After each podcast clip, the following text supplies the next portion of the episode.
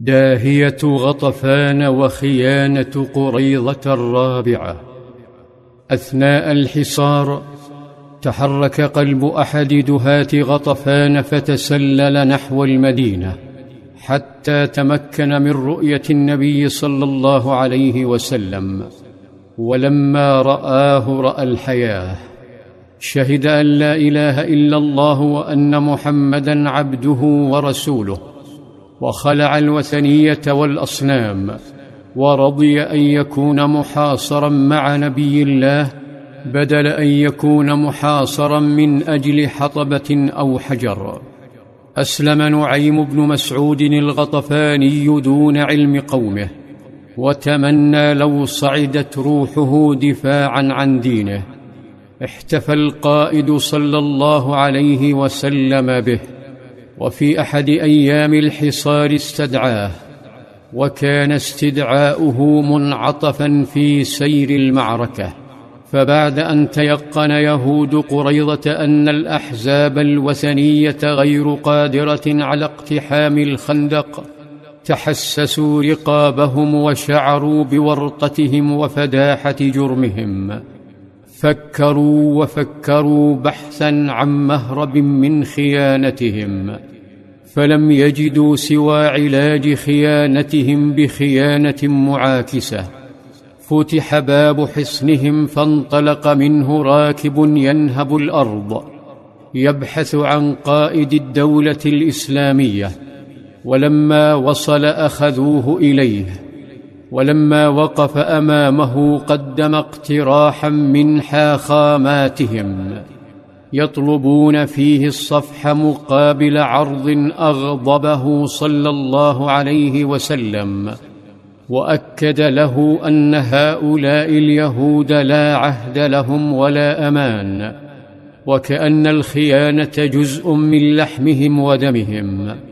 كأنهم يتنفسونها مع الهواء ويشربونها مع الماء. قال الحاخامات إن كان يرضيك عنا أن تأخذ رجالا رهنا من قريش وغطفان من أشرافهم فندفعهم إليك فتقتلهم.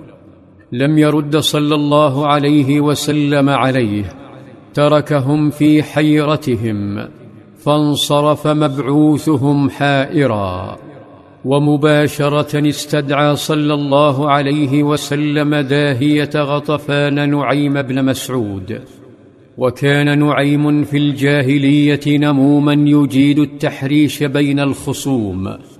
فقال صلى الله عليه وسلم إن اليهود قد بعثت إلي. إن كان يرضيك عنا أن تأخذ رجالا رهنا من قريش وغطفان من أشرافهم فندفعهم إليك فتقتلهم. نهض نعيم. فلما ولى قال صلى الله عليه وسلم إنما الحرب خدعة. توجه نعيم نحو الحارث وأبي سفيان فأخبرهما بخيانة يهود لهما.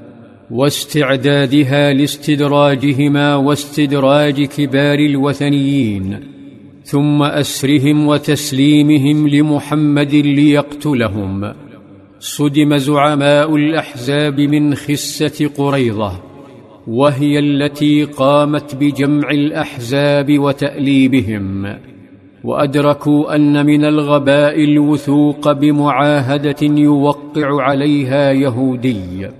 أصيبوا بالإحباط وخارت قواهم وظلوا وسط عالم من الحيرة والخمول وفجأة دبت بينهم حركة جنونية الكل يركض الكل يختبئ لكن إلى أين؟